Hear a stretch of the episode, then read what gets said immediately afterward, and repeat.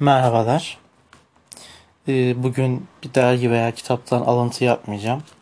Kendi e, felsefi e, teoriden bahsedeceğim. Hiyerarşiden bahsedeceğim bugün.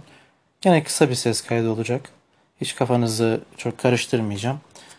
Özet bir şekilde e, hiyerarşinin hayatımıza ne zaman, nasıl girdiğini, ataerki ile ilişkisini, hiyerarşinin tarihçesinden başlayaraktan nelere engel olduğunu, insan psikolojisine nasıl etkileri olduğunu anlatmaya çalışacağım. Ee, öncelikle hiyerarşinin ne olduğunu tanımlamak gerekir. Hiyerarşi bir toplumu da e, sistemik sınıfların bulunması demektir. Sistemsel bir e, alt üst ast üst ilişkisi olması anlamına gelir. Hiyerarşide daima üst taraftaki, üst kesimdeki alt kesimi veya alt sınıfı baskılar ve e, nimetlerinden faydalanır, iş gücünden faydalanır, psikolojik anlamda e, manipülasyon ve baskı uygular ve bu kaçınılmazdır. Bunun istisnası yoktur. Bir insan ne kadar iyi, ne kadar adaletli, hoşgörülü olursa olsun hiyerarşik düzende baskı döngüsü adlan, adını verdiğim e, konseptten dolayı hiyerarşik düzende her zaman baskı vardır. Baskı döngüsünü şöyle e, açıklayayım. Hani bir tane de meme vardı. E, şimdi evde e, adam karısına bağırıyor. Pardon. Patron işçiye bağırıyor. İşçi gidiyor evde karısına bağırıyor. Karısı gidiyor evde çocuğuna bağırıyor. Çocuğu gidiyor evde kediye bağırıyor. Bu işte baskı döngüsünün özeti olarak açıklanabilir. Ee, hiyerarşinin ataerki ile ilişkisini inceleyelim. Hiyerarşinin hayatımıza girmesi 12 bin yıl önce gerçekleşiyor. Yani tarım toplumuna girmemizle, yerleşik hayata geçmemizle. Yerleşik hayata geçmeden evvel komün hayatı yaşa- yaşanıyordu tamamen. Ee, ama yerleşik hayata neden geçildiği hala tam olarak bilinmemekle beraber insanlığın başına gelen en büyük belalar, buna onlarca yüzlerce örnek veririm. Başınıza gelen en büyük sıkıntılar birkaç e, fizyolojik hata hariç tarım toplumunun başlamasıyla beraber ve ardından sanayi devrimiyle beraber katlanarak artan sıkıntıların sebebi bunlardır. E, hatta tarım toplumu öncesi avcı toplayıcı dönem için dünyadaki cennet tabiri kullanılır bilim kitaplarında.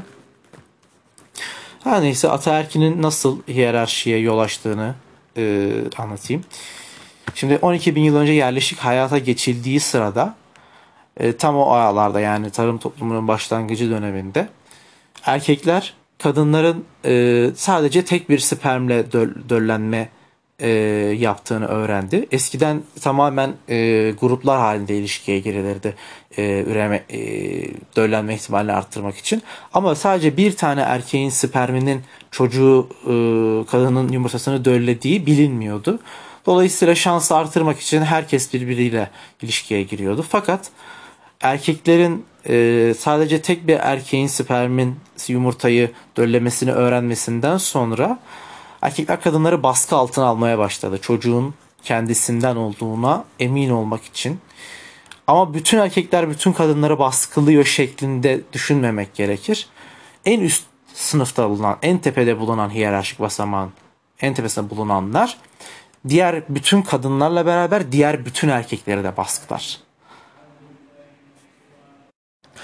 Yalnız sadece bu alfa olmayan hani en tepede olmayan erkekler ve bütün kadınlar baskıya maruz kalmıyor. Hiyerarşik basamağın en tepesindeki erkekler de hiyerarşinin ta kendisi tarafından baskıya maruz kalıyor.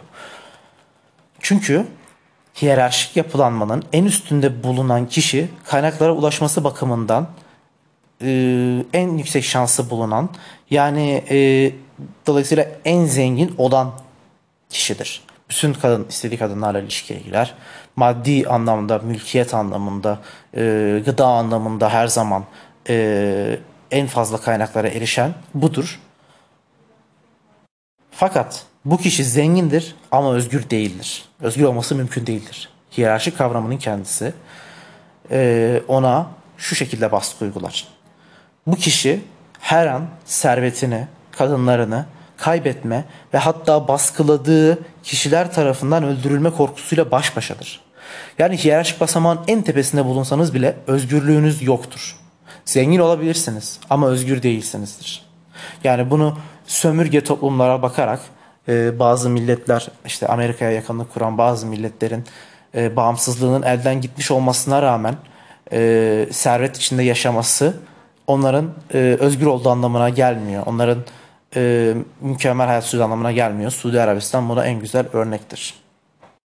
Velhasıl kelam hiyerarşi bütün bireyleri istisnasız olarak esir altına alır ve hiyerarşinin olduğu bir yerde hiçbir şekilde özgürlükten söz edilemez. Hiyerarşi elbette bazı kurumlarda olmak zorundadır. Özellikle orduda. Fakat ordudaki insanların psikolojisi gerçekten çok kötü vaziyettedir. Polisler arasındaki ataerkinin doğurmuş olduğu e, hiyerarşik baskı neticede polisin halkı baskılamasına kadar sonuçlanmaktadır. Dolayısıyla hiyerarşinin olduğu yerden eşit ve özgür bir yaşam asla çıkmayacaktır. İnsanlar yalnızca eşitçe özgürler arasında eşittir. Yani bu demek oluyor ki özgürlüğü temin etmek için aslında her bireyin eşit haklara sahip olması gerekir. Çünkü hiyerarşi varken hiç kimse eşit olmadığı için özgür de olmayacaktır. Sorumlulukların azalması demek, demek hiyerarşinin yokluğu demektir. Yani anarşi demektir. Anarşi de hiyerarşiyi yok etmek demektir.